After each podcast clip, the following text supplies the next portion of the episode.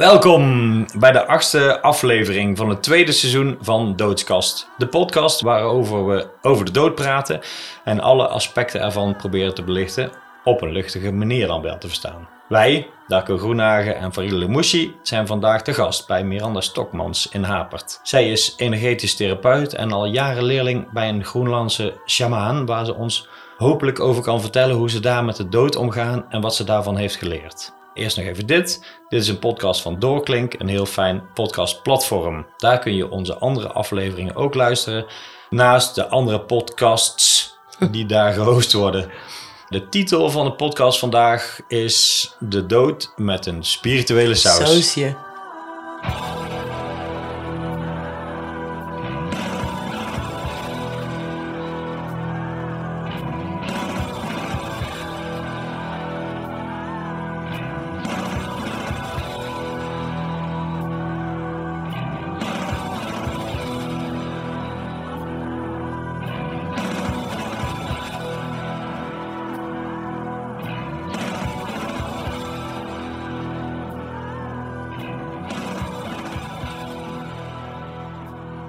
Welkom bij ons. Dank je.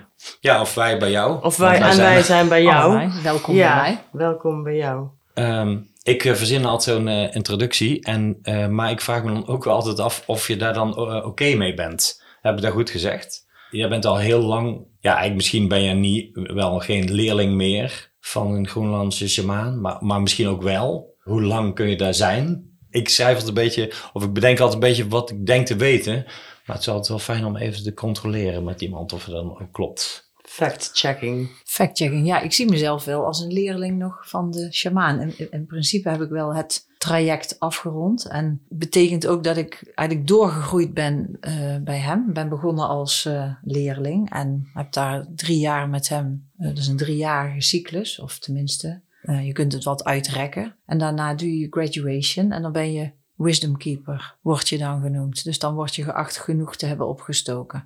Maar mijn pad met hem liep eigenlijk anders. Ehm, dus ik ben eigenlijk gebleven. En eh, ben daarna... ehm, Hoe, hoe- wanneer ben je daar begonnen dan? ik heb hem ontmoet in 2012. Oké. En in 2012 heeft hij me gevraagd of hij mijn leraar mocht zijn. Mhm. En toen heb ik daarop ja gezegd. Heel enthousiast, hè? alsof Brad Pitt zegt, zullen we een beschuitje eten? Maar toen ik eenmaal thuis kwam, dacht ik, oh, dat kan best wel eens verstrekkende gevolgen hebben voor mijn, eh, voor mijn leven. Zo voelde dat. Dus toen heb ik een enige aarzeling gehad. En eh, toen kwam hij weer naar Nederland toe, heb ik hem opnieuw ontmoet. En toen had ik in die tussentijd het gevoel van, eh, ik moet iets voor hem maken. Dus ik heb, maar dat vond ik ook weer een beetje een raar idee, maar dat heb ik dus toch gedaan. Dus toen dacht ik, nou, Spirit, geef maar een teken als ik iets moet maken. En de volgende ochtend stak hier zo, waar je daarop uitkijkt, in het grind recht op een veer. En dat is in al die jaren dat ik hier zit. Deze ruimte is in 2008 gebouwd, nooit, nog nooit eerder gebeurd en ook daarna niet meer. Dus ik ben naar buiten gelopen, heb die veer uit het grind gepakt en heb een eh, medicijnbuidel voor hem gemaakt. Dus toen ik hem weer ontmoette, heb ik hem eh, die gegeven. Ik voelde me wel een beetje een kind wat een kleurplaats voor Sinterklaas had gemaakt, maar toch. En hij nam dat aan en op zijn Groenlandse manier. En hij rookte eraan en hij schudde eraan en hij nam het aan. En toen zei hij, oh, je hebt me geaccepteerd als jouw leraar. Praat maar met mijn assistent. En toen ben ik met de assistent gaan praten. En toen bleek dat dus een onderdeel van de ceremonie te zijn. Dat wist jij niet. En dat wist ik dus niet. Dus ehm, met dat geven, waar ik me dus een beetje ongemakkelijk bij voelde, had ik dus mijn stap gemaakt. En vervolgens is die bal gaan rollen. En ben ik bij hem in de leer gegaan. En ehm, ja, het is een heel apart proces, want je, laat ik het zo zeggen. Eh, eigenlijk eh, voor de toeschouwer, er gebeurt helemaal niks tijdens die sessies. Je moet het er allemaal zelf uithalen van binnen. Dus ofwel s'nachts, ofwel wat je tussen de regels door hoort. Maar er wordt eigenlijk helemaal niks uitgelegd. Dus degene die het begrijpt, die weet het. En degene die het niet begrijpt, die weet het niet. Eh, zo noem ik het maar. Mhm. En na die drie jaar ben je altijd nog welkom om altijd langs te komen in die cirkels. Hè? Want het zijn internationale cirkels waar mensen van over heel de wereld komen. En ik ben daar vervolgens ben ik wat gaan organiseren voor hem. Dat heb ik even kort gedaan. En eh, ik ben helper in Groenland geweest. Dus daar heb ik mogen ervaren om heel humble eh, human waste te sjouwen. Drie maal per dag, want we hebben daar dus geen eh, toiletten. Dus daar hebben we emmers met zakken erin. En de meeste helpers willen dat werk niet doen. Nou, ik vond prima. Maar ik was ook de enige Europeaans eh, die, of de enige Europe, überhaupt de enige niet-Groenlandse, die de kilout, daar kun je hem zien staan, de, de Eskimo windrum mocht leren. En daarna mocht ik weer heel humble de toiletten gaan schoonmaken. Dus zo ging dat daar. Waarom was jij daar? Waarom mocht jij dat wel en, de rest, en verder niemand? Of Dat wordt niet uitgelegd. Er wordt Er überhaupt was, niks jij uitgelegd. was gewoon uitgekozen om dat te doen. Ja, een van die Groenlandse vrouwen zei tegen mij: Jij komt van hier. En mensen vroegen mij daar ook, die daar bezochten: Waar woon jij? En als ik dan in Nederland zei, zei ze: Ja, maar waar woon je hier? Ik zei ja, niet. Dus het voelde als: Ik kom vandaar. Ik Jij voelde ook her- of je thuis kwam. Ja, ik voelde alsof ik thuis kwam, maar zij herkende mij ook. Ja, het lijkt erop alsof die, alsof die pijn herkenbaar is, zo, die zij kennen. En het is gewoon mijn volk. Ja. En ik ben een Nederlandse. Maar had jij eh, dan, zeg maar, toen je hem voor het eerst ontmoette, daarvoor, kende je hem al? Wist je wie dat was? Of hoe? Want jij zegt, als, het is hetzelfde als Brad Pitt die je uitnodigt voor... eh, keek jij tegen hem op? Of was het een soort, eh, zeg maar, iemand heel hoog? Of hoe, hoe, hoe verhoudde jij je tot hem? Nou ja, ik heb in de eerdere trainingen heb ik al heel lang geleden heeft iemand tegen me gezegd: Ik zie een ijsbeer bij jou. In die tijd was ik daar totaal niet in geïnteresseerd. Dus dat heb ik gehoord. De ene gaat in, de andere oor gaat weer uit. Eh, in een later tijdstip heb ik een hele ijsbeer is er op mijn pad gekomen. Een echte? En ja, Ja. die huid die hangt hier. eh, ja, de, de, de rest was eruit, maar de huid eh, die, die kwam naar mij toe. En ik heb een klauw eraf gehaald en die heb ik, ben ik gaan dragen. En dat voelde in het begin heel zwaar, alsof mijn hele nek tintelde. Nou, fysiek is die weegt die niks. Niks meer dan een gewone hanger. Maar dat is dus de energie van die beer. En dat noemen wij in onze wereld medicine. Dus je draagt een medicine. Je zou het ook een amulet kunnen noemen. En die ben ik gaan dragen. En ehm, later heb ik een boek, Angang heeft een boek geschreven. Helaas is het in Nederlands eh, uitverkocht. Eh, het smelt het ijs in je hart, heette dat boek. Dat kreeg ik van een cliënte die hier kwam. En eh, zij gaf mij dat boek aan het einde van haar se- sessie. de sessies die ze bij mij gedaan had. Ik ben dat boek heb ik op de stapel gelegd van ongelezen boeken.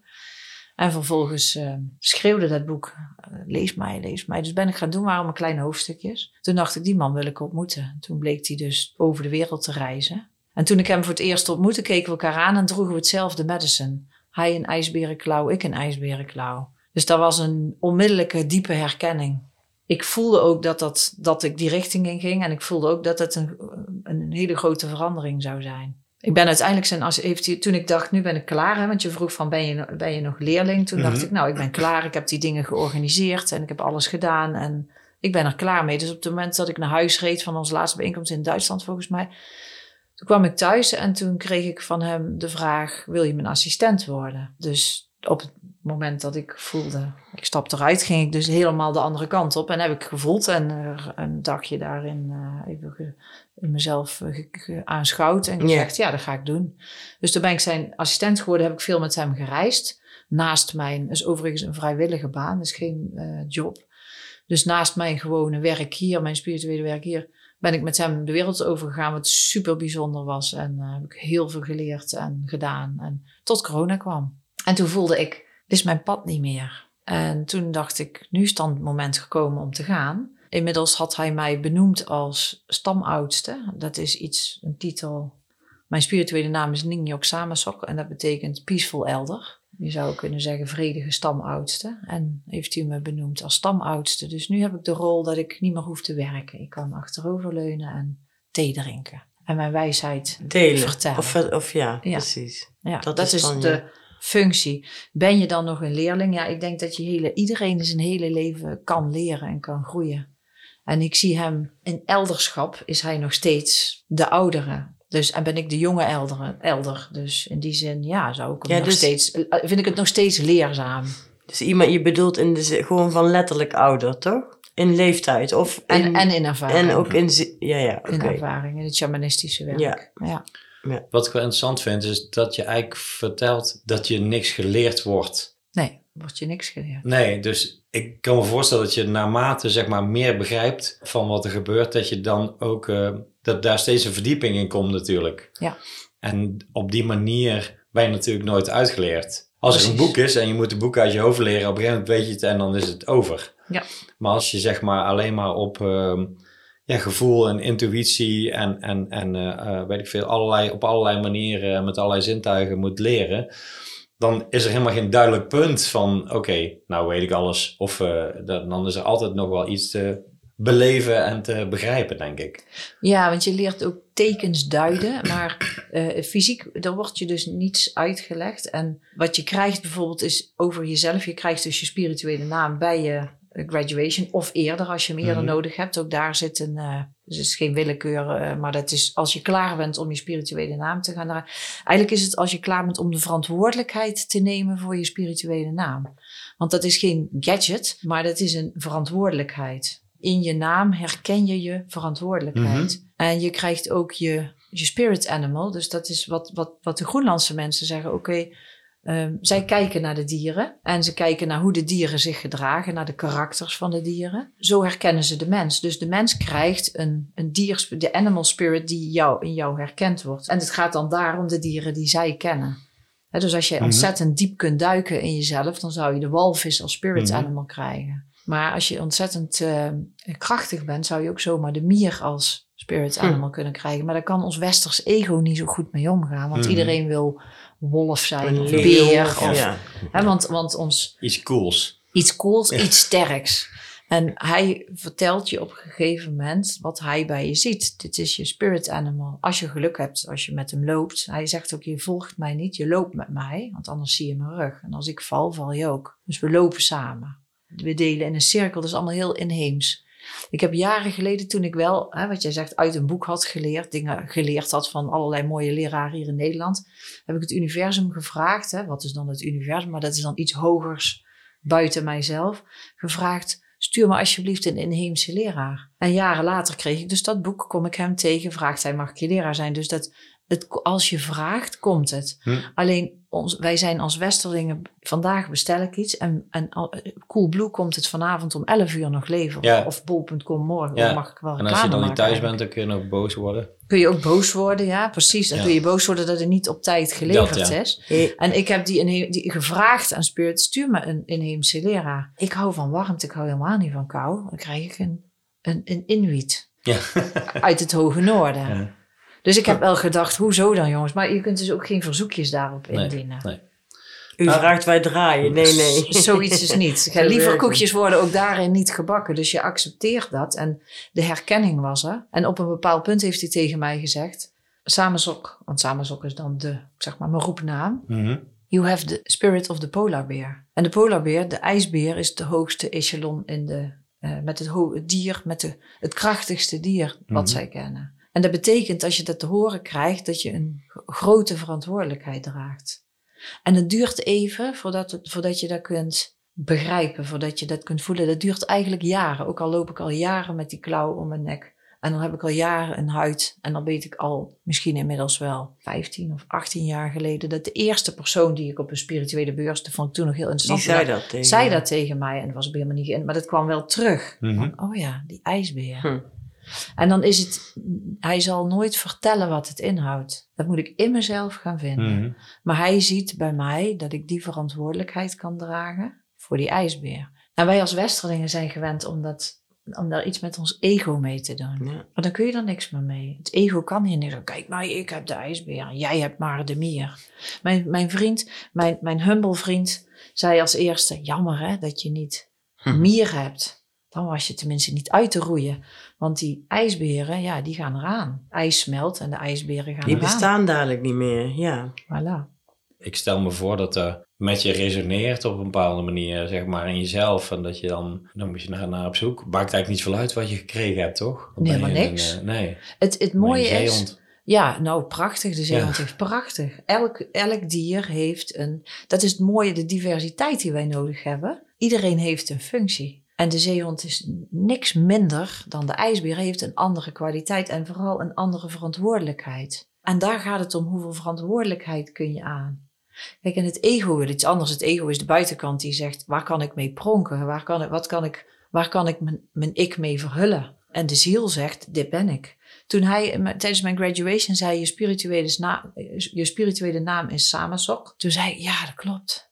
En ik had geen flauw idee wat het betekende. Maar Hmm. elke, elke vezel in mijn lijf zei, ja, dat klopt. En toen zei hij later, the peaceful one Hmm. betekent dat. Want mijn Groenlands, ik ken wel een paar woordjes Groenlands, maar zo vloeiend dat Samasok. En als ik daar tegen de Groenlanders zeg, oh, en ik stel me voor Samasok, zeggen ze, ja, klopt. Klopt. Ja, nice. Maar dat is een gevoel. Zojuist zei jij, eh, had je het over het universum. Dus je vroeg iets aan het universum. Mhm. En ik had het idee dat je daarna hetzelfde universum de spirit noemde. Ja. Klopt dat? Oké. Ja. Nou maken wij een podcast over de dood. En, en, en ehm, is, la- laten we zeggen, spirit is een, een heel een breed begrip. Mhm. Je kunt er allerlei invullingen aan geven. Maar ik vond het interessant dat je de connectie maakte tussen het universum en de spirit. Je zei het universum en je legde dat uit als iets eh, hoger of groter dan, eh, dan wij Jezelf. of zo, of dan jezelf. En op die manier eh, dat een spirit noemen. Ja, ik, wij zijn, of ik ben, of wij zijn een beetje gewend om te denken als ehm, bijvoorbeeld spirit zou je kunnen vertalen als geest of zo, hè? dus de geest. Maar daar is eigenlijk hetzelfde vage begrip. Je hebt je eigen geest, daar hebben ze het in het boeddhisme over. En eh, als zeg maar datgene wat je, je ziel is dan of zo, op een of andere manier. Eh, je hebt datgene wat je lichaam verlaat als je... Je wordt een geest als je overlijdt of zo. Maar er is dus ook... Jij, jij sprak er meer over als over een overkoepelende geest. Maar noem je... Je wil even in, het in een soort van gestructureerd... Nou ja, ik ben heel geïnteresseerd in hoe dat zich met elkaar verhoudt. Maar jij en noemt het ook hoort, de kosmos? Jij zegt nou het universum of spirit of je kan het vragen. Ik, ik zeg wel, je moet het de kosmos insturen, want dan is dat eigenlijk allemaal... Ja, ik gebruik beetje- denk ik al die woorden gewoon willekeurig Ja, door elkaar. Dat vind ik wat ook in me opkomt. En laten we ook Nou. vooropstellen dat ik het ook niet weet. Net zo Ja. goed als jullie niet. Dat ik net zo goed op zoek ben. Dat is het Eh, mooiste, toch? Hè? Ja, Ja. Dus, dus ik heb godzijdank niet de absolute waarheid. En, en, en hier kunnen we dan ook heerlijk geen ruzie over maken. Omdat niemand het weet. We kunnen het niet toetsen. Het is alleen een gevoel, een waarneming zou je kunnen zeggen. Ja. En ik neem iets waar en jij neemt iets waar. Hè? Net zo goed als jij zegt, nou deze stoel is donkerbruin. Ik kan hem lichtbruin noemen. Mhm. Dus het is een waarneming. En ik gebruik die woorden willekeurig door elkaar. Ook om, ehm, ja, het is ook al per geloofscultuur, traditie verschillend. Is het nou de ziel, de spirit, eh, de grotere? Is, het, is er één schepper? Is het één groot Mhm. geheel? Maar vind je dat? Want jij zegt het is een gevoel. Maar is het ook een geloof? Of is dat hetzelfde? Of is dat... Voor mij Ben je, het- jij bent overtuigd van jouw gevoel, neem ik aan. Ja, maar dat noem ik, dat is wel een mooie vraag. Want dat, dat, eh, dat werd me wel eens door de shamaan gevraagd of ik geloofde. En toen zei ik, nee, ik geloof niet. En toen zei ik, ik, weet.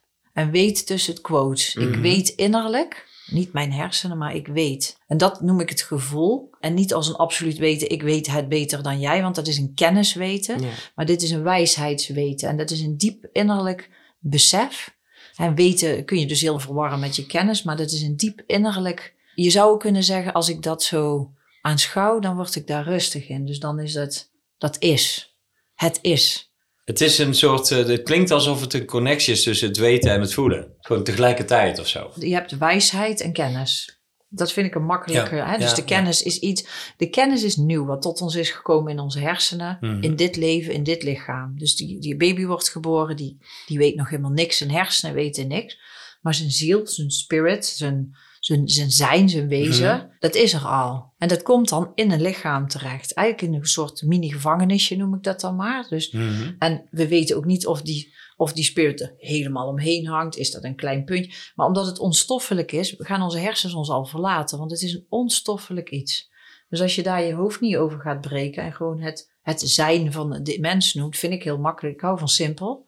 Dan is het gewoon het zijn, het wezen. En dat wezen is er gewoon. Dat lichaam is, dient dat wezen om het te vervoeren. Dat is, je zou kunnen zeggen, dat maakt het afgescheiden van het grotere geheel. Als het lichaam weg is, zijn we weer één geheel. Ja, dat maakt dan ieder individu of uniek. Of Ja. dan, maar Ja. uiteindelijk is het allemaal een onderdeel dus. Ja. Van, ja, over dat weten, dat, dat, daar kan, dus, dus dat voelen, want dat is dan een gevoel, dat zit toch ook Ja. hier. Ja, Dus bij sommige dingen hoef je niet na te denken, maar is het gewoon niet, dat is toch, ja je zou zo kunnen zeggen, het in ieder geval. je neemt het waar in je lichaam. Ja. In je lichaam neem je het waar. En je hoofd is ook een onderdeel van je lichaam. Maar daar zit dus de kennis opgeslagen. Als je, naar, de, als, als je naar, die, naar die organen kijkt en je zet- legt de hersenen en de darmen naast elkaar op tafel, dan lijken ze verdacht veel op elkaar. Ze glibberige, kronkelige massa. Het ene is wat dikker, het ander wat dunner. En je zou ook kunnen zeggen van die twee helften, net als een walnoot. Als je die openbreekt, zie je die twee helften die horen bij elkaar. Dus die hersenen en die buik horen bij elkaar. Het ene is de afdeling Ja. kennis, het andere is de afdeling wijsheid of weten, wat ik dan het innerlijke weten noem. Ja, kennis is iets wat we geleerd hebben, wat we tegen zijn gekomen, bewust, wat we uit een boek gehaald hebben. Je zou kunnen zeggen wat een ander je heeft verteld of een ervaring Mhm. die je hebt opgedaan. Maar dat, die, die wijsheid is, dat, dat zit in je en die is verbonden met dat hele grote veld. We zijn in het Westen een beetje afgedwaald van in verbinding, in contact staan Hm. met dat weten, innerlijke weten. En zijn meer gaan vertrouwen op onze kennis. Helaas wel, denk ik. Ja, denk ook. Ja, tenminste, ik kom steeds meer eh, mensen tegen die daarover praten. Er is een Indiaanse vrouw die daar helemaal over kan praten. Ik ga de naam even opzoeken. Ehm, maar ja, ik wil toch gewoon eh, naar de dood. en en, en eh, dus eh, bijvoorbeeld... Onvermijdelijk, hè? Ja, maar ja, dat nee, is maar wel dat vind goed, ik een want heel erg... is het heeft heel, een mooie opbouw daar naartoe, dit. Ja, hè? Want ja. dan heb je eerst een soort basis. ja. En nou kunnen we een stapje verder. Ja, en, en het is heel cruciaal om het leven te begrijpen. En, Ja. en, eh, en, eh, dus daar daar vind ik heel interessant. Je zegt eh, dus je geest komt in je lichaam al- als je baby bent, zeg maar, in je gevangenisje. Mhm. Waar komt die vandaan? Uit de oerbron. Oké. Ik noem het ook maar een naam, hè? Want dat is Nee, eigenlijk... ja, dat vind ik prima. Ja, nou dat, dat is de, een, een van de namen uit de bron of uit het grote geheel. Maar ik gebruik die willekeurig, die namen, omdat ik... Er is volgens mij niet één naam en het is ook maar wat voelt zo op dat moment. Zo, de een dekt misschien wat meer de lading dan de ander. Maar ik zie het als een soort oerbron. En overigens probeer ik ook zoveel mogelijk daar niet over na te gaan denken. Want Ja, dan verdwaal je compleet. Maar meer zo, wat komt er in me op? Nou, die bron, de oer. En wanneer die erin komt, dat weten we ook niet. Maar komt die voor of na de conceptie? Ook dat weten we niet. Wat ben je aan het doen, Darko? Ik ben die, eh, die naam van die dame op aan het zoeken. Oh, oké.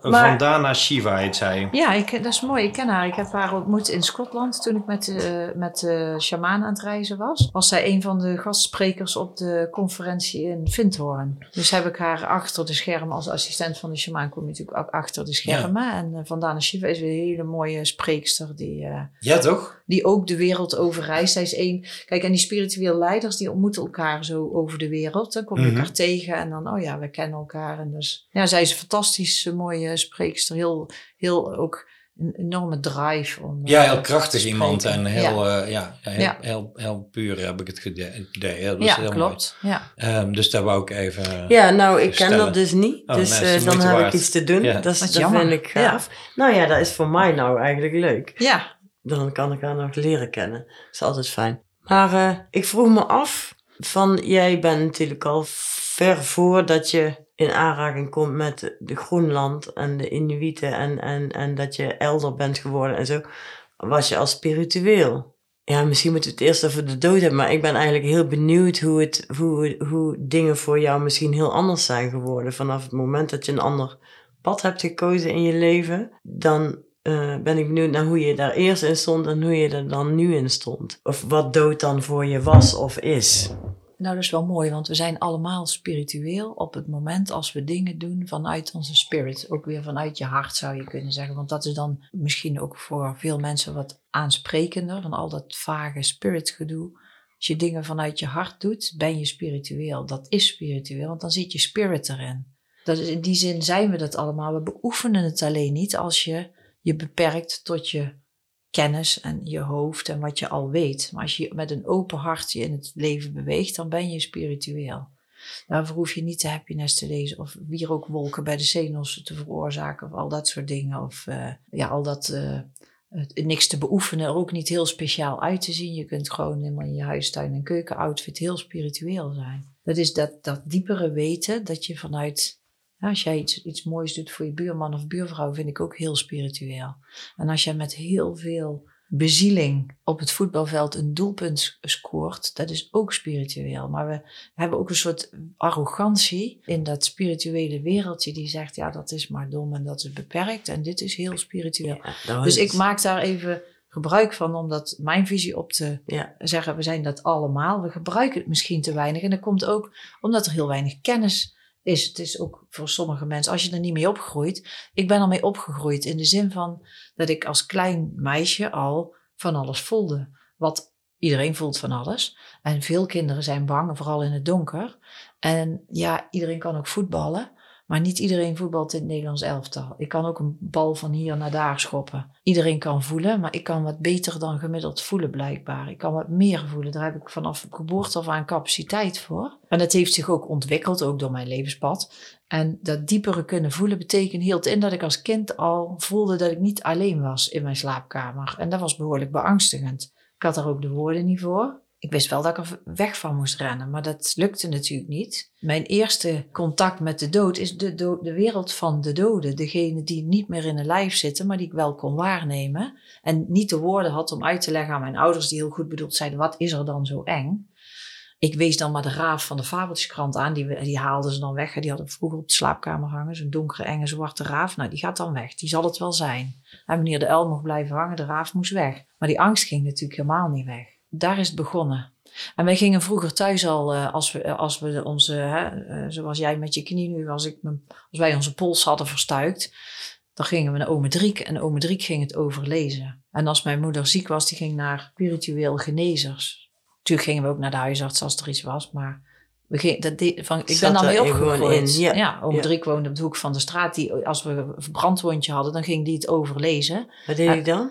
Ja, dan had hij een gebedje en hield je hand erboven. Ah. Niet, gelukkig niet erop bij een brandwond, maar erboven. En dan ging je het overlezen, dan murmelde hij wat. En dan uh, vonden we als kind ook best een beetje spannend. Maar ja, dan gingen we naar ome Driek. Dat was ook ergens een verre oom of zo. En die ging dat dan overlezen en dat vonden we allemaal heel normaal. En dan ging, zei hij, hoe, wanneer is het gebeurd? Gisteren? Oké, dan is het morgen. Oh, het duurt zo lang. Als we dan geweest waren, was het weg. Die man kocht je fratten en die... Zo, zo ging dat in die tijd. En, en, uh, dus ik ben opgegroeid met dat dat normaal is. Dus lange tijd um, goed voelen heb ik altijd kunnen doen. Is lange tijd weg geweest. Na de geboorte van mijn jongste zoon is het in zijn volle hevigheid onvermijdelijk teruggekomen, dat waarnemen. En neem ik dingen waar die je zou het de onstoffelijke dingen kunnen noemen. En ook dat kunnen we allemaal, hè? want we zeggen tegen elkaar van, oh ja, die heeft een goede uitstraling. Dan voel je dus de ander. Dat is allemaal energie. Ja. Ja. En als je zegt ook wil het een leuke saus geven, zeg je, oh ja, uh, tegenwoordig is het hip om te zeggen, ga uit mijn aura. Maar 10, 20 jaar geleden dachten mensen, oh, je spoort niet, hè? Aura, wat is dat? Ken ik niet. Maar dat is gewoon je energieveld. Maar als ik dichter bij jou kom, en ik kan jou ook je aura laten voelen, daar zitten we hier niet voor, maar je kunt dat gewoon ook voelen bij een ander. Alleen we doen daar te weinig mee. Dat heeft met afstemming te maken. Iets, wij zijn stoffelijk, hè? We, zichtbaar en we kunnen hier, je kunt in mijn maar in het veld om ons heen is een onstoffelijk veld. Dat is ook waarneembaar, maar dat is verfijnder. Dat duurt even voordat je daar goed op kunt afstemmen. Iedereen kan dat, iedereen kan dat ook leren. Niet voor iedereen is het nodig om je zo ver door te mm. ontwikkelen. Voor mij was het blijkbaar nodig om die. Ik heb die talenten en die ben ik gaan doorontwikkelen. En op een goede dag zat ik met iemand in mijn allereerste begin van mijn praktijk en zag ik ineens een man achter hem staan. En zei ik, ik zie een oude man met een pet en uh, een beetje voorover, een beetje zo, een beetje die nek zo voorover. Ze ging die man beschrijven. Toen zeiden, ja, dat is mijn opa. Nou, daar schrok ik zelf ook wel een beetje van. Maar ik dacht, nou, ik weet nu hoe die eruit ziet. En zie ik die dan zoals ik jou zie? Nee, dat is wat vager. Het is niet, er staat ineens een man. Maar jij noemt jezelf geen medium. Het is niet zo van ik ga even, ik kom hier, je gaat even contact met de doden leggen en dan, uh, of met de zielen of de ja, hoe, geesten, weet ik niet hoe je die moet mhm, noemen. Uh Nee, is weer een titel. is makkelijk voor mensen. Maar dan zou ik daarmee mezelf beperken om dat mijn taak te maken. En ik geloof niet dat het mijn taak is. Maar ik krijg wel vaak dingen die ik binnenkrijg, die ik mensen vertel die hier komen. Die ik totaal niet verzonnen heb. Als ze me later tegenkomen, zeggen ze: Oh, je zei toen dat en dat tegen mij. Ja, ik heb geen flauw idee. Ik heb dat met jou meegemaakt. En dat is de eerste keer oh, dat ik hier was. Ja, dat was, dat was echt te bizar voor woorden eigenlijk. Want toen kwam ik hier omdat ik dacht dat ik. Uh, vastliep in de rouw. Uh, maar ik had daar helemaal niet uh, verteld aan jou van tevoren dat het daarover ging. Ik had natuurlijk wel een beetje verteld, nou, maakt ook niet zoveel uit, maar jij wist verder nog gewoon niets van mij. En toen ik hier binnenkwam, toen uh, ging je meteen, zei je, jezus, wat heb jij een, oh ja, sorry, dat doe ik normaal nooit, zei je toen. Maar er is zo'n heftige energie om jou heen. Er staat hier iemand die is niet zo groot, maar die staat helemaal zo van de voor mijn zus en blijf van me. Toen ging jij gewoon, jij zat mijn broer te beschrijven, maar echt helemaal. Uh, Dat was echt niet normaal. Ja, dat gebeurde. Dat is ook niet normaal, is Dat is niet paranormaal. normaal. Ja, dat was echt niet. En dit gebeurt ook inderdaad heel vaak niet. Meestal niet. Nee, dat zei je toen ook. Zo Ja. van, dat is helemaal niet eh, wat we gaan doen. en Nee, doen. maar dan weet Ja. ik dat jij er aan kan. Misschien weet de spirit wel, ik weet het. Dat, dat is allemaal op gevoel. En dan komt dat binnen en dan zeg wat ik zie, zeg ik wel. Ja, Maar voor jou was dat op dat moment blijkbaar nodig. Ik, ik, ik stel me ten dienste dat van is het dan. Ja, iets. ja. ja, en daar laat ik door me heen gaan. En daar zit, mijn, daar zit wel mijn grens, normen, waarde ergens tussen als mens. Maar de rest stel ik me open en laat ik daar gewoon door me heen gaan. Ben alleen maar een doorgeefluik, zou je kunnen zeggen. Met wel een menselijke tintje. Je hebt dan Die- je eigen, jouw spirituele, of het Miranda, ja nee, dat klinkt een beetje raar. Ja, het maar gaat jouw via eigen mij. sausje Ja, eroverheen, het gaat toch? via mij, ja. Dus maar, maar alleen ook maar dat. Het is niet van mij, het gaat door mij heen. Daar laat ik gebeuren zo. Ja. En die geeft, geeft zo'n zo'n eh, gestalte, die geeft jou een boodschap of eh dat vertelt jou iets, zeg Ja. maar. Meestal willen de doden, dus de overledenen, want zo zie ik dat dan. Ja, je zou kunnen zeggen dat ze iets wat nog niet uitgesproken is, of iets wat, wat hier nog op de aarde hoort, Mhm. eh, dat dat naar boven kan komen en dat dat doorgegeven wordt. Dat, dat gaat zeg maar via jou terug naar de persoon die Ja. dat moet horen. Ja. Oké. Ik ben zelf de eerste die, daar, die dat raar vond en ook wel kritisch was en dacht, ja, ja, ja. Misschien zit ik wel gewoon de herinnering van jou op te pikken, want dat kan, hè. Ben, ik probeer zo nuchter en Mhm. eh, daarin kritisch mo- als mogelijk te zijn. Want het is natuurlijk allemaal heel kwetsbaar wat je doet. Dus ik wil daar heel graag ook een beetje snappen. Maar dat is dus niet te doen. Ben ik wel achter. Maar als ik de herinnering op zit te pakken van degene die hier zit, dacht ik, ja, dat zou ik. Maar ben ik gaan testen zo. Op een gegeven moment kwamen er dingen en dan zei degene hier tegenover me. Dit is overigens wel, dit doe, hier ben ik eigenlijk helemaal niet actief mee bezig op dit moment hoor. Maar dan zei diegene tegenover me zo van, ja, maar dat weet ik eigenlijk helemaal niet wat jij nu vertelt. En toen zei ik, ja, ik zie allemaal maar dieren. Het is niet altijd zo dat er iemand echt heel duidelijk in mijn oor zit Nee, te nee, praten dat zoals wij ik. nu. Hè? Dat snap ik. Dus wat abstracter en ik moet daar wat harder voor werken om die informatie boven te maar da- krijgen. daarom vroeg ik het eigenlijk. Ja? Hè? Dus, Ja. dus je, je voelt iets bij die persoon of, Ja. of- dus Ja, of bij de persoon binnen, die voor je maar. zit, zeg Ja. maar. Mhm. En ik kan me ook voorstellen dat het helemaal niet per se een, een plaatje oplevert. Maar meer een gevoel of een, of een eh, vibe. Of een, eh, en dat je dat dan eh, wil vertellen of zo. Ja, nou, dat is eigenlijk twee wegen. De, de meeste mensen die hier komen, daar heb ik gewoon een contact mee, daar praten we mee. En dan kan er ergens wel eens een ingeving zijn. Ik weet helemaal, op een gegeven moment, ik weet helemaal niet wie die geeft. Eh, die komt gewoon. En ik voel dat het zuiver zeggen, is. Ja, Dat, ja. Maar dat, ik heb niet meer in de gaten wat, wat van mij is, wat mijn ervaring en kennis is. En wat zeg maar vanuit die grote bron. Het maar Mhm. een of andere database waar ik uit put. Ja. Dat verschil voel ik eigenlijk niet meer. Dat is mijn ervaring, dat loopt door elkaar heen. Misschien tien jaar geleden was ik meer. En, of mensen kwamen bijvoorbeeld. Stel iemand komt gericht met. Ik ben die en die verloren. En kun je daar contact mee leggen? Ja, ik promote dat niet, dus ik doe dit niet voor werk. Eh, maar dat, dat, dat, dat gebeurde dan zo. En dan ga je dus, ik ga dan via een foto, want dat vind ik dan makkelijkst, contact maken. Mhm. En dan ga ik kijken wat diegene te zeggen heeft. Ik, wat, gewoon wat ik binnenkrijg. En dan komt er dus informatie los. En dan kan er dus ook informatie komen voor hier. Hè. Soms kan het in de rouwverwerking, dat iemand die niks meer heeft kunnen zeggen of geen afscheid heeft kunnen nemen. Of soms is het hoe het met iemand gaat daar aan die andere kant. Of, Mhm. of dat er nog tips zijn eh, die soms heel dringend kunnen zijn. Ja, Zorg goed voor Ja. jezelf, eh, wordt dan tuurlijk, van die ja. andere kant gezegd. Maar op een gegeven moment kreeg ik informatie door van iemand. Was, zei ja, ik zei, ik zie allemaal dieren alsof het op een boerderij is. En eh, nou ja, allemaal zei ja, je weet niks van. Het ging over de oma. Nee, mijn oma die eh, woonde gewoon in een gewoon huis. En eh, nou, nou, nou, door, toen bleek ze later, kwam ze terug, toen had ze het nagevraagd. Toen zei ze, ja, mijn oma is dus wel opgegroeid op een Mhm. boerderij. En daar hebben oma en opa zelfs een tijdje gewoond. Maar het is allemaal lang voor mijn tijd geweest, voor ik geboren werd. Dus daar weet ik helemaal niks van. Ze herinnerde dat ook niet. Ze heeft dat bij de moeder nagevraagd. Dus toen kwam dat stukje, hè, daar zat dan een heel verhaal aan, dat weet ik ook niet meer precies. Maar dat heb ik wel onthouden, zo van die dingen. Oh, als ik jouw herinnering op zit te pikken, in ieder geval je bewuste herinnering, dat kan niet, want dan had ik die informatie niet gehad. Inmiddels was ik zeker genoeg dat ik wist, oh ja, die info klopt. Wij Mhm. snappen het niet. Mhm. En sommige dingen komen woordelijk door, andere zijn in beeld. Hè? Dan zie Ja, ik een appel en dan kan ik denken, ja, jij vindt een appel misschien heel lekker, jij vindt het misschien heel smerig. Dus ik, als, ik mag er niks aanhangen. Ik mag er Mhm. Jij mag geen oordeel. eh, Nergens. Ja, ja, Nou, dat is een hele goede oefening. ja, inderdaad. Ik mag er niks van vinden ook, want dan, dan, dan komt de boodschap niet Maar, aan. maar even nog. Dus als je iets in, binnenkrijgt, of een ingeving, of een gevoel, of een, een, een boodschap, Mhm. zie je daar altijd iets bij? Soms. Soms wel, soms niet. De- Het weten is eigenlijk het grootste Ja, ontwikkeld. Het is ook weer dat innerlijk weten. Dus ik denk ook dat de hersenen alleen maar een projectie maken. Dat je dan denkt dat je iets ziet. je gaat er een beeld bij maken of zo. Ja, dat, dat Ja. vermoed ik. Maar dan gaan we weer heel technisch. Dus, en dan ga ik daar niet meer over doordenken. Ik denk dan, oh ja, soms, ik zie het dan. Maar ja, wat is zien? Ja? Mhm. Ja, dan dat is gaan een we die vraag. diepte in. Hè?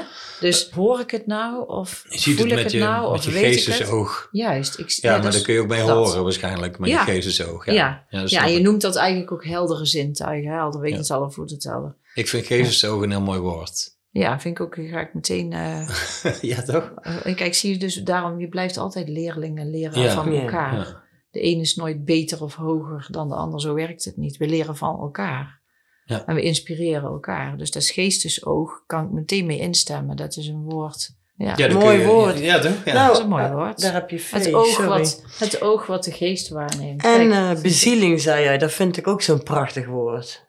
Bezieling. want zijn van die oude woorden. Ja. Ja. Dat is dat waar, de ziel, waar, je, de, waar je je ziel in Inlegt. legt. Dat zegt eigenlijk ook heel veel. Dat gebruikt bijna niemand meer. Maar Nee. jij zei het net. Gingen we het maar mooi. gebruiken, Ja. dan zouden de burn-outs minder zijn. Dan werd Want- het weer wat duidelijker allemaal misschien. Ja, als je met bezieling kunt werken, dan doe Ja. je waarvoor je hier bent. Ja, dat noemen ze nu passie of zo. Kan ook. Dat is ook een mooi woord. Maar het ligt er je ziel dan in. Ja. Je kunt gedreven Mhm. zijn en gepassioneerd zijn, maar ligt je ziel erin.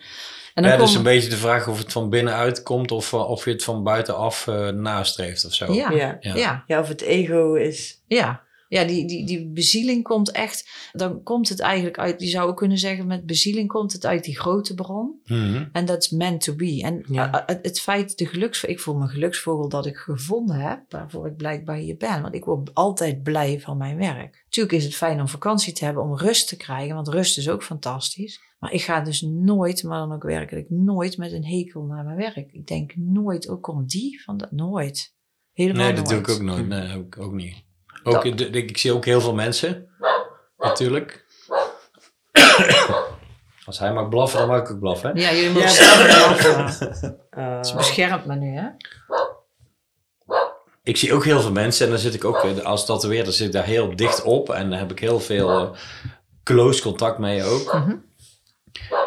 Maar eh, ja, daar heb ik ook nooit, eh, denk ik ook niet, oh, oh god, daar heb je die weer. Of, de- dat is altijd, en daar vind ik ook altijd heel, dat blijft altijd interessant. En, en, en daar moet je ook voor open zijn of zo, voor die persoon. Maakt niet uit wie het is. Ja, het is heel boeiend. Ja, die, jouw cliënt moet een totale overgave hebben Ja. naar jou toe. Totaal. En je bent door huidcontact, door elkaar aan te raken, wat we ook niet meer doen en door de hele corona dingen ook niet meer mochten blijkbaar, maar door huidcontact te maken is er een uitwisseling van energie. Dus behalve van, dus eigenlijk is het continu uitwisselen. Hè? Dus jij wisselt jouw kunsten uit, jouw, Mhm. wat er in jou leeft, wissel jij uit in de vorm wat jij creëert op het lichaam van die ander, maar die ander wisselt ook eh, zijn Ja, ik energie maak, uit met ja, jou. Ik, ja, ik maak iets voor die persoon. Dus Ja. daar probeer ik zoveel mogelijk op in te tunen ook, zeg maar. Ja, dat klopt. Volgens mij mag jij gerust zeggen, ik tune daarop in. ja, Ja. Dat, dat doe ik. Ja, dat, Dat dat doet hij fijn, ja. Want als jij tegen mij zou zeggen, ik ga het proberen, dan denk ik, doe maar niet. Blijf het dan maar af. dus ik zou gewoon zeggen dat jij dat doet. En dat dat meer of minder eh, is met iemand, dat kan natuurlijk. Want het vraagt ook van die ander. Als die ander zich helemaal Ja. openstelt. Als ik me helemaal overgeef aan jou, zal ik iets mooiers krijgen. Als dat ik me tegenhoud. Want dan zal ik de stroom, de, de uitwisseling tussen ons afsnijden. Ja. Oké, ja. genoeg over mij. Ja, wat jammer. Dat was een mooie wending. Ja, we kunnen het best wel eens even over jou hebben anders. Dat wil je nooit, hè?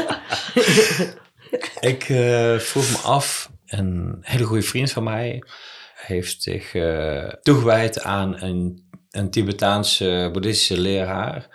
eh, al heel een tijd geleden. Die is zeg maar bij die man in zijn klooster in Frankrijk gaan wonen. Daar heeft hij elf jaar gewoond. En toen ging die leraar dood. Hanh, toevallig. Nee, Nee, oké. nee uh, Sogi Rinpoche. Oh ja. En ik vond daar een heel interessant gegeven over als je, dus daar wil ik ook graag een keer met hem over praten. Wat gebeurt er als je leraar doodgaat? Mm.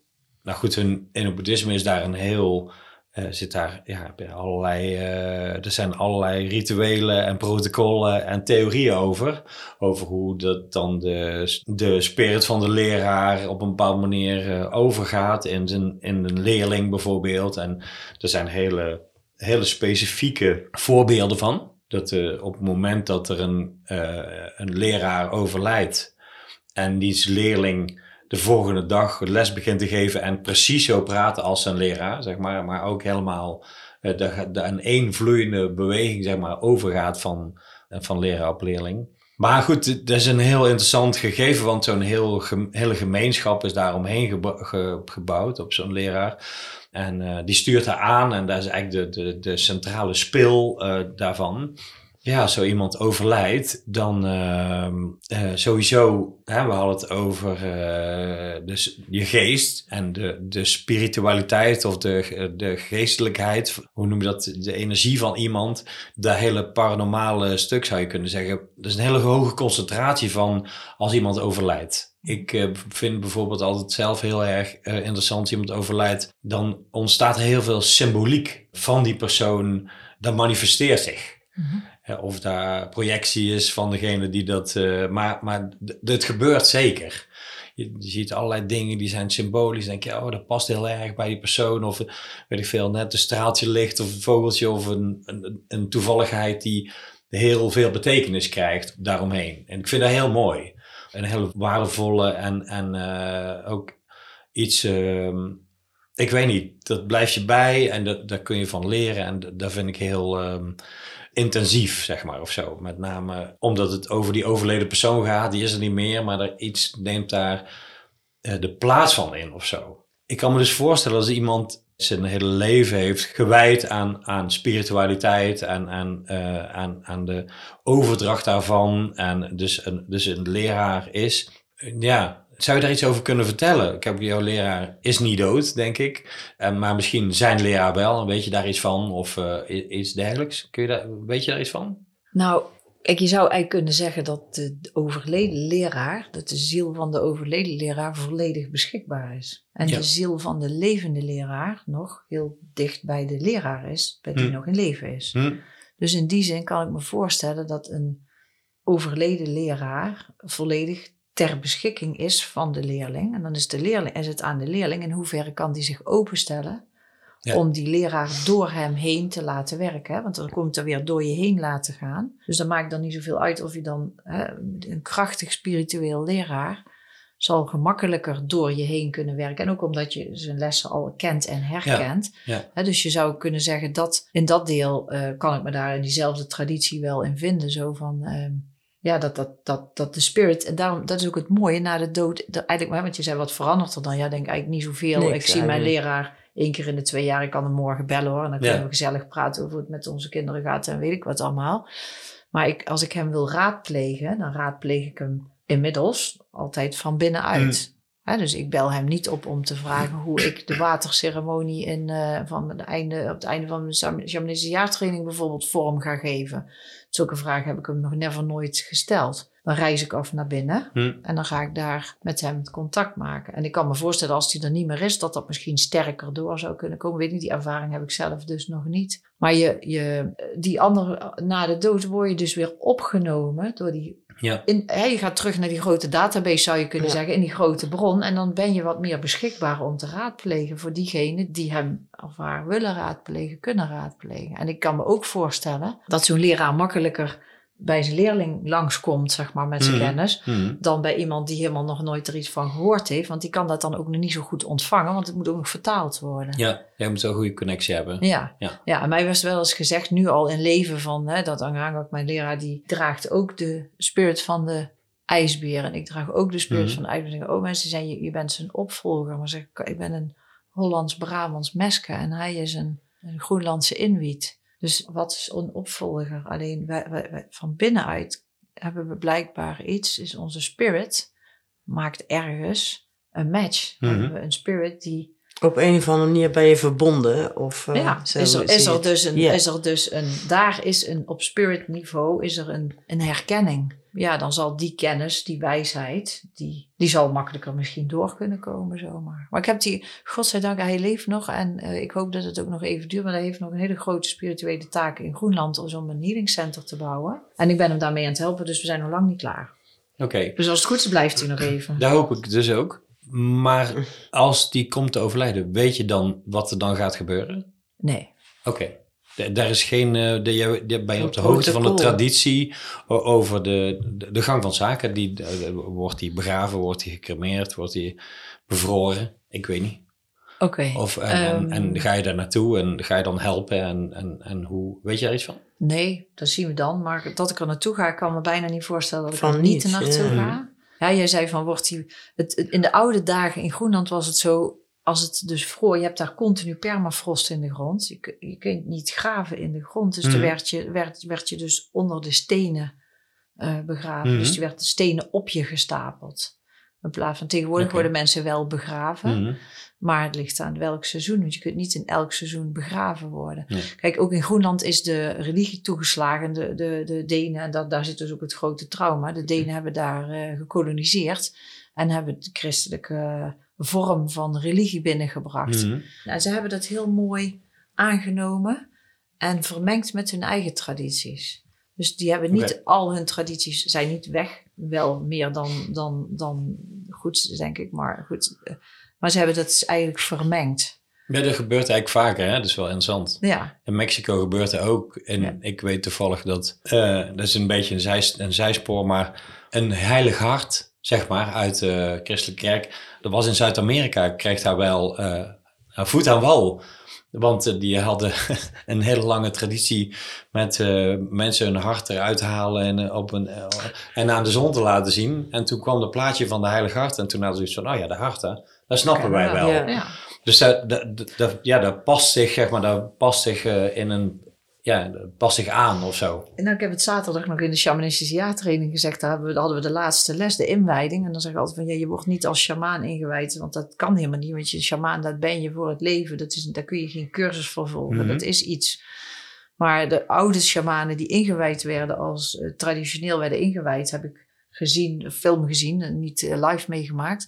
Want toen was ik er helemaal nog niet. Maar dan werd er gewoon een hart uit de schaap gesneden en er werd in hun mond gestopt. Er werd een verband omheen gedraaid en ze werden in, boven in de hoogste boom gezet. Om, om, daar zit natuurlijk een hele diepe... Van, in welke, is dat zo'n oude documentaire Ja, ding? is een oude Van, document. eh, eh, met ook met ehm voodoo en al die dingen daarin? Of was, Weet is ik dat niet dat- meer precies. Ik heb hem heel lang geleden Maar gezien. het, eh, maar- klinkt heel herkenbaar. Ik heb Ja. ooit zo'n heel... Het was nogal wat intenser, zeg Ja, maar. Maar dat hart is natuurlijk altijd het kloppend hart, het leven en wat daarin zit. En die overdracht. Kijk, op ons komt dat nu heel primitief over. En dat is het wellicht ook in onze tijden. Maar we hebben ook daar een, vaak een angst voor. Omdat het staat ver van ons af. We staan überhaupt, denk ik, ver af van de natuur en van natuurlijke Mhm. dingen. En ja, religie die mix daar. Ik denk niet dat het goed is dat je een traditioneel volk gaat proberen te kersenen door te zeggen wat wij doen is beter.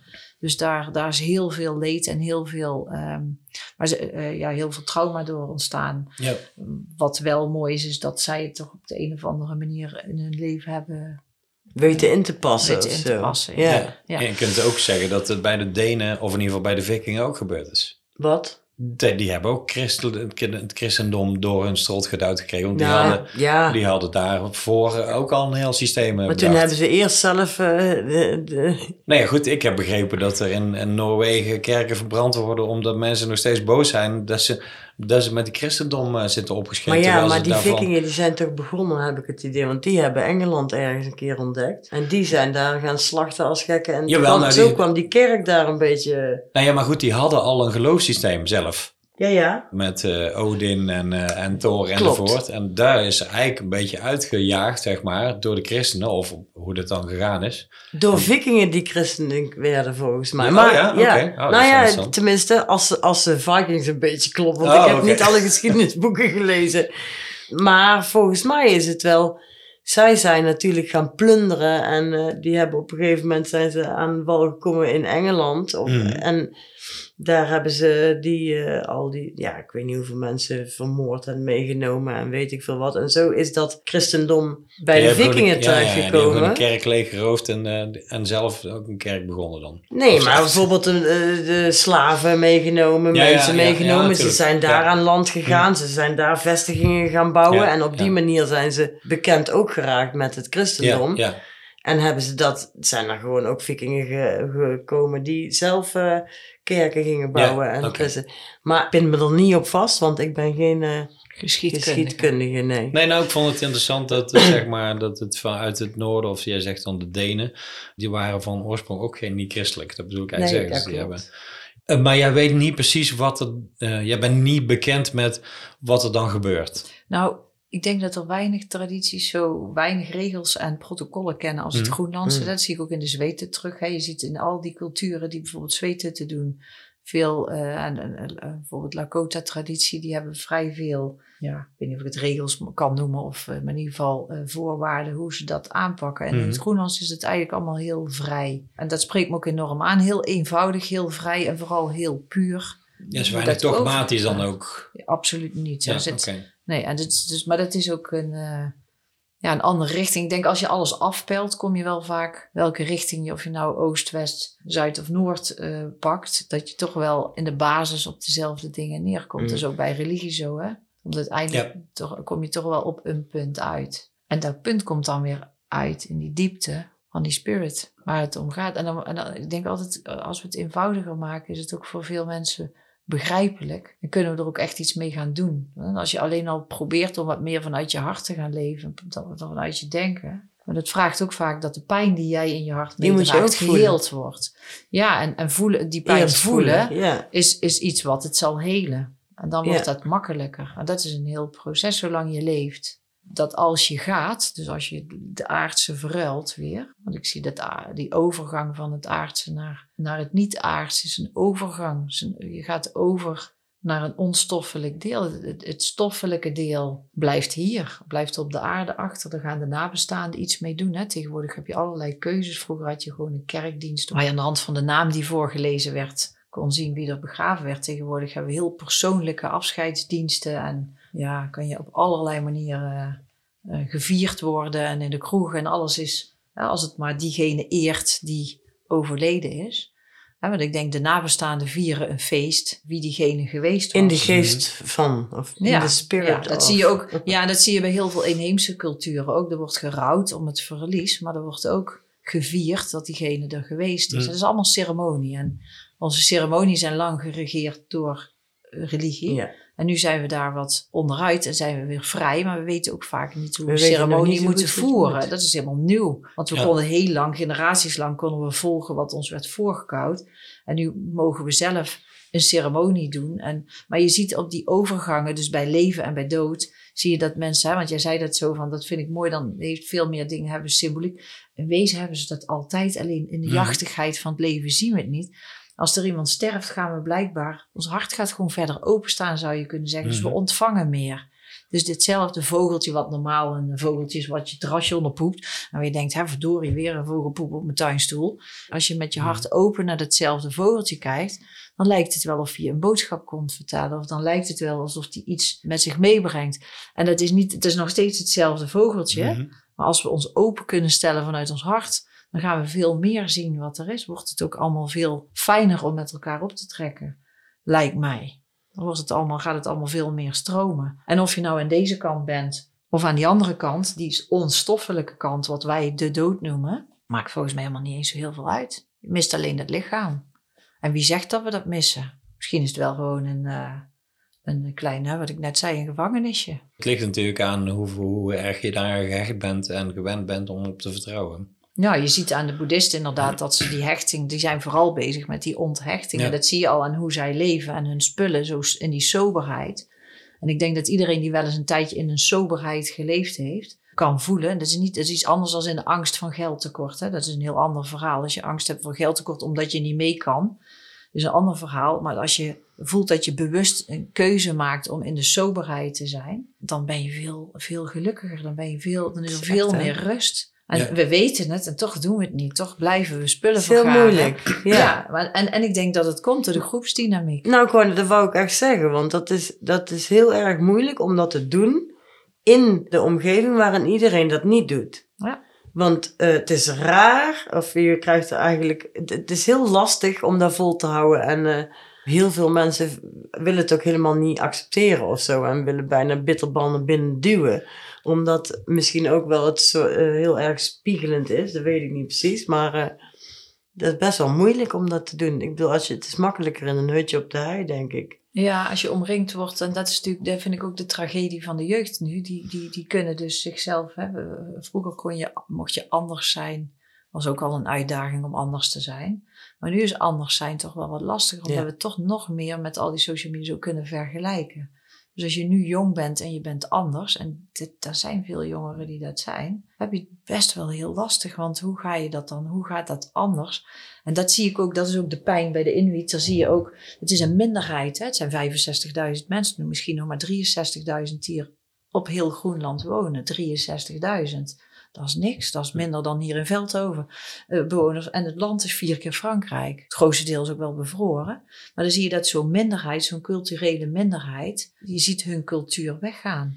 Die Ja. verdwijnt gewoon. Ja. Ja, dus als Ja. er dadelijk niet meer die originele mensen zijn, dan is het weg. Dan is het weg. En die tradities, kijk, en je ziet dat bij al die culturen, hè, waar daar waar we het regenwoud kappen, gebeurt hetzelfde. Die mensen, die cultuur verdwijnt. Maar daarmee verdwijnt ook de wijsheid. En dat is iets waar ik me dan met de, de stichting voor inzet. Om dat deel, kunnen we dat behouden voor de toekomst? Kunnen we die wijsheid... Je ziet het nu zo mooi, er was een, was een berichtje bij de NOS eh, eh, dat de aboriginals... Dus Ja, eh, oplossing niet te zien. voor de... Ja, die hebben een oplossing voor de bosbranden. Ja. Hè, dus heel, we hebben nu klimaatveranderingen. Hè, daar kun je ook nog eh, 600 podcasts over doen, over hoe en wat. Maar het feit is wel dat Zuid-Europa in brand staat. Punt. Mm. En dat wij als Westerlingen heel erg investeren in grotere blusapparaten, duurdere eh blusvliegtuigen. en dat is goed, want ja, als het brandt is het fijn als het geblust kan worden. Maar nu is er wonderwel, zien we ook wel, dat dat, dat is symptoombestrijding. Dat werkt helemaal niet. Dat is heel Ja. westers symptoombestrijding. zie je in de, in de medische, in,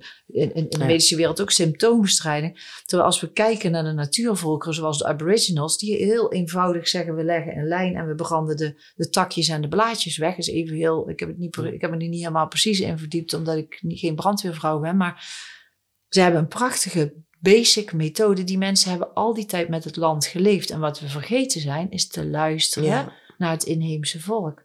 En dat doet pijn. Dat doet mij persoonlijk pijn. En als ik dat zie, dan heb ik een yes, een yes e- event van, de, van, eh, van je welste. Van we gaan die mensen weer zien. We gaan ze eren. We moeten wel. Want zij hebben altijd met het land geleefd.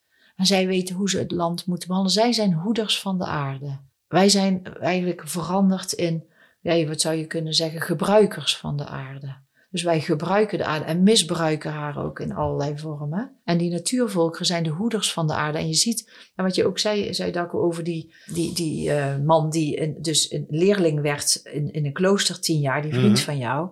Wat je nu ziet, is dat die tradities, die traditionele eh, volkeren, die openen zich nu, al een tijdje, om hun wijsheid te delen met de westerse mens. Omdat ze, de, die, de, de tijd is rijp. Dat moet nu. Want Ja. wij, hebben het no wij Ja. hebben het heel hard nodig om van hun wijsheid te leren. Ja, en de Tibetanen zijn natuurlijk ook een soort van... Die cultuur verdwijnt ook, hè? Alle Ja. inheemse culturen verdwijnen. Want onze arrogante westerse aard zegt dat wij weten het wel, maar wij leven niet samen met de natuur. Wij gebruiken haar, we Mm. buiten eruit. En dat kan, want het is, het, het is een onvoorwaardelijke liefde. Hè? Want moeder, het is hetzelfde als een moeder en een kind. Moeder aarde is onvoorwaardelijk naar ons toe. Als, wil je dat hebben? Dan geef ik jou dat. Maar de gevolgen, die zijn voelbaar. Mm. Wat, wat er nu gebeurt. Hè? Of we nou tsunamis hebben, of we hebben bosbranden, of we hebben, zoals we nu hebben, ineens 40 graden. Ja, gasbel, Het maakt heeft zo niet uit. Precies, Ja. eh, eh, het, het, het heeft gevolgen. En daar zijn we met z'n allen verantwoordelijk voor. Dus die leraren, hoe, hoe mensen die zichzelf, dus die, die roeping voelen van ik wil door die leraar opgeleid worden, of ik wil door die leraar die wijsheid die jullie hebben van natuurvolk, die wil ik eren. Dat is wat het vraagt. Mhm. En dat is belangrijker dan het regenwoud wegkappen om een mooie hardhouten tuintafel te hebben, in mijn ogen. Hoe heet die stichting, Miranda? Mijn stichting heet Native Greenland Foundation. Native Greenland Foundation. Dat moeten we onthouden. Dat is een mooie zaak. Ik vind het heel mooi dat je je daarvoor inzet. Ja, een En, deel eh, van mijn tijd Ik merk gaat aan jou dat je ook echt, eh, daar word je ook emotioneel van, hè? Dat is de bezieling. Ja. Naast mijn praktijk is dat, dat wat bezieling is. Is dat ik niet alles voor mij in wil zetten. Maar ik heb geleerd dat je in een balans bent als je geeft en neemt. Dus eh, Hm. ik heb heel veel eh, mogen ontvangen en nog. En ik wil daar ook weer een deel voor terug. Dus die, ik wil eigenlijk een brug bouwen tussen die wijsheid van het hoge noorden Ja. en tussen ons en wat wij hebben. En op dit moment is dat de fundraising die ik doe voor hen om, dat, om Isloop en Kisafik voor elkaar te krijgen, House of Healing. En daar is iedereen welkom over heel de wereld. Kom maar naar de oudste aardkorst ter wereld. Je vindt geen enkele ijskokerraam, je vindt geen enkel plastic vuilnisbak. Je vindt moeder aarde daar terug. Maar niet voor iedereen is het eh, gegeven om daarheen te reizen. Mhm. Dus als we een brug bouwen, dan kunnen we uitwisselen. Want dat is volgens mij de bedoeling, dat we samen toch iets mooiers Hmm. ervan maken. Wat jij vertelt is dat er de mate van eh, spiritualiteit daar, zeg maar, de verbondenheid eh, als, als, als eh, natuurvolk hoger is dan hier. En dan zou het ook kunnen zijn dat ze, zeg maar, eh, minder zwaar tegen de dood aankijken. Of eh, daar een, helemaal niet als een, eh, hoe zeg je dat? Ja, als iets slechts beschouwen. ja, bijvoorbeeld, ja. Snap je wat ik bedoel? Of Ja, ik niet? snap nou, in ieder geval is mijn vraag of je weet of dat zo is of niet. Nou, weten doe ik het niet precies, maar ik kan me wel voorstellen dat als je in een land leeft waar het in de winter min 50 is, en dat je jouw voorouders, jouw directe voorouders, dus die hebben moeten overleven. Kun je je voorstellen dat je in zo'n klimaat kunt overleven? Hè? Dus die Mhm. mensen zijn, die moeten toch immens krachtig zijn, dat je in zo- zo'n klimaat leert, generatie op generatie, te overleven. Maar de dood is daar in die zin onvermijdelijk. Mhm. Je, je loopt een hoger risico als je in een onveiligere omgeving bent. Kijk, wij proberen Ja. alles veiliger te maken. En Mijn jeugd mocht hele onveilige dingen doen. Die mogen nu allemaal niet meer. Die kunnen allemaal niet meer. Het is eigenlijk een wonder dat wij het al overleefd hebben, onze jeugd. Maar dat zie je daar, is het de natuur bepaald. En de mens daar geeft zich eraan over. Hè, Als hier de Mhm. bus vijf minuten later is, staat iedereen te mopperen.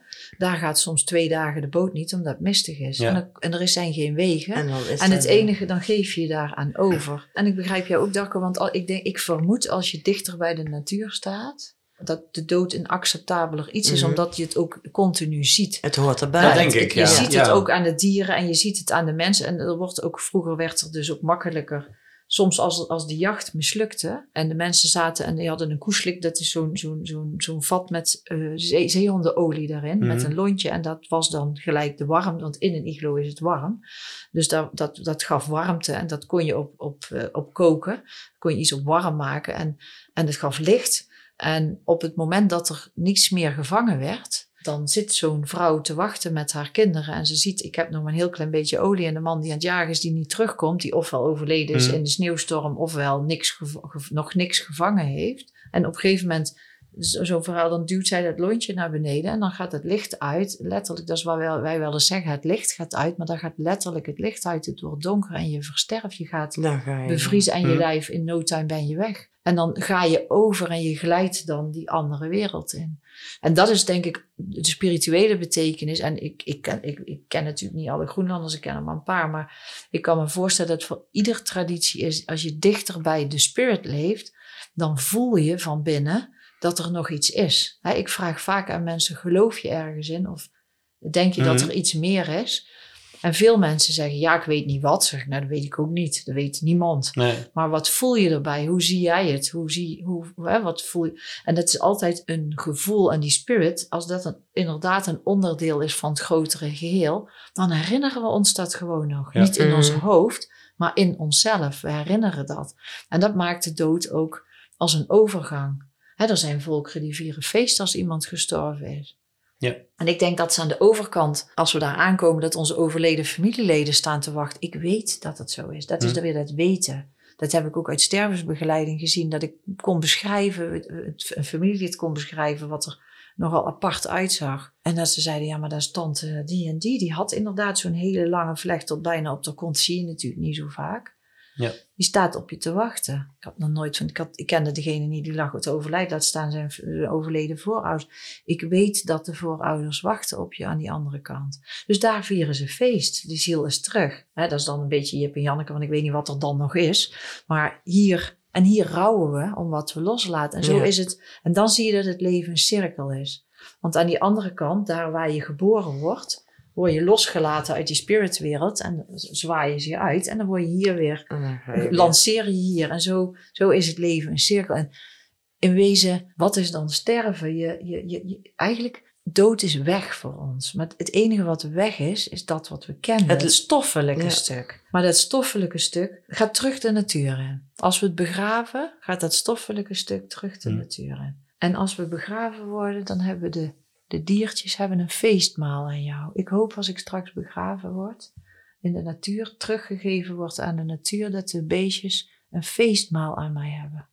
En dat er genoeg is. Tot nu toe heb Mhm. ik geen honger hoeven lijden, dus er is genoeg. En dat die beestjes een feestmaal kunnen hebben. En zo ga ik dan over en dan word ik een onderdeel van heel veel diertjes. Mhm. En die kleine diertjes, die zullen weer gegeten worden door grotere dieren.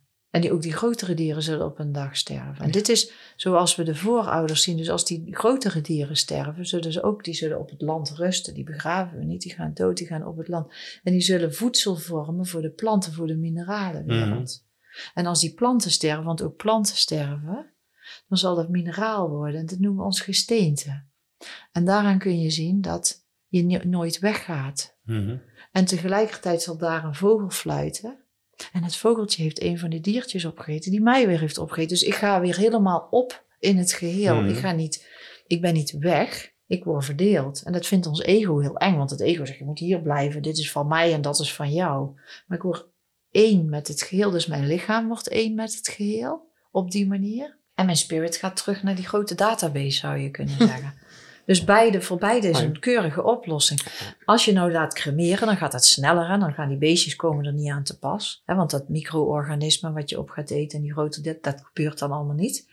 Maar dit as, als je de as uit, zodra je de as bevrijdt en uitstrooit Mhm. over het land of in het water, zal die weer opgenomen worden. Dus als je het, hè, we, we weten dat de aarde, als, als je as uitstrooit over de aarde, dat hem dat vruchtbaarder Ja. maakt. Dus dat betekent dat jouw lichaam vruchtbaarheid geeft aan die boom. En die boom die geeft de noot. En die walnoot wordt gegeten door een vogel. En die vogel die poept in het water en daar komt een vis uit.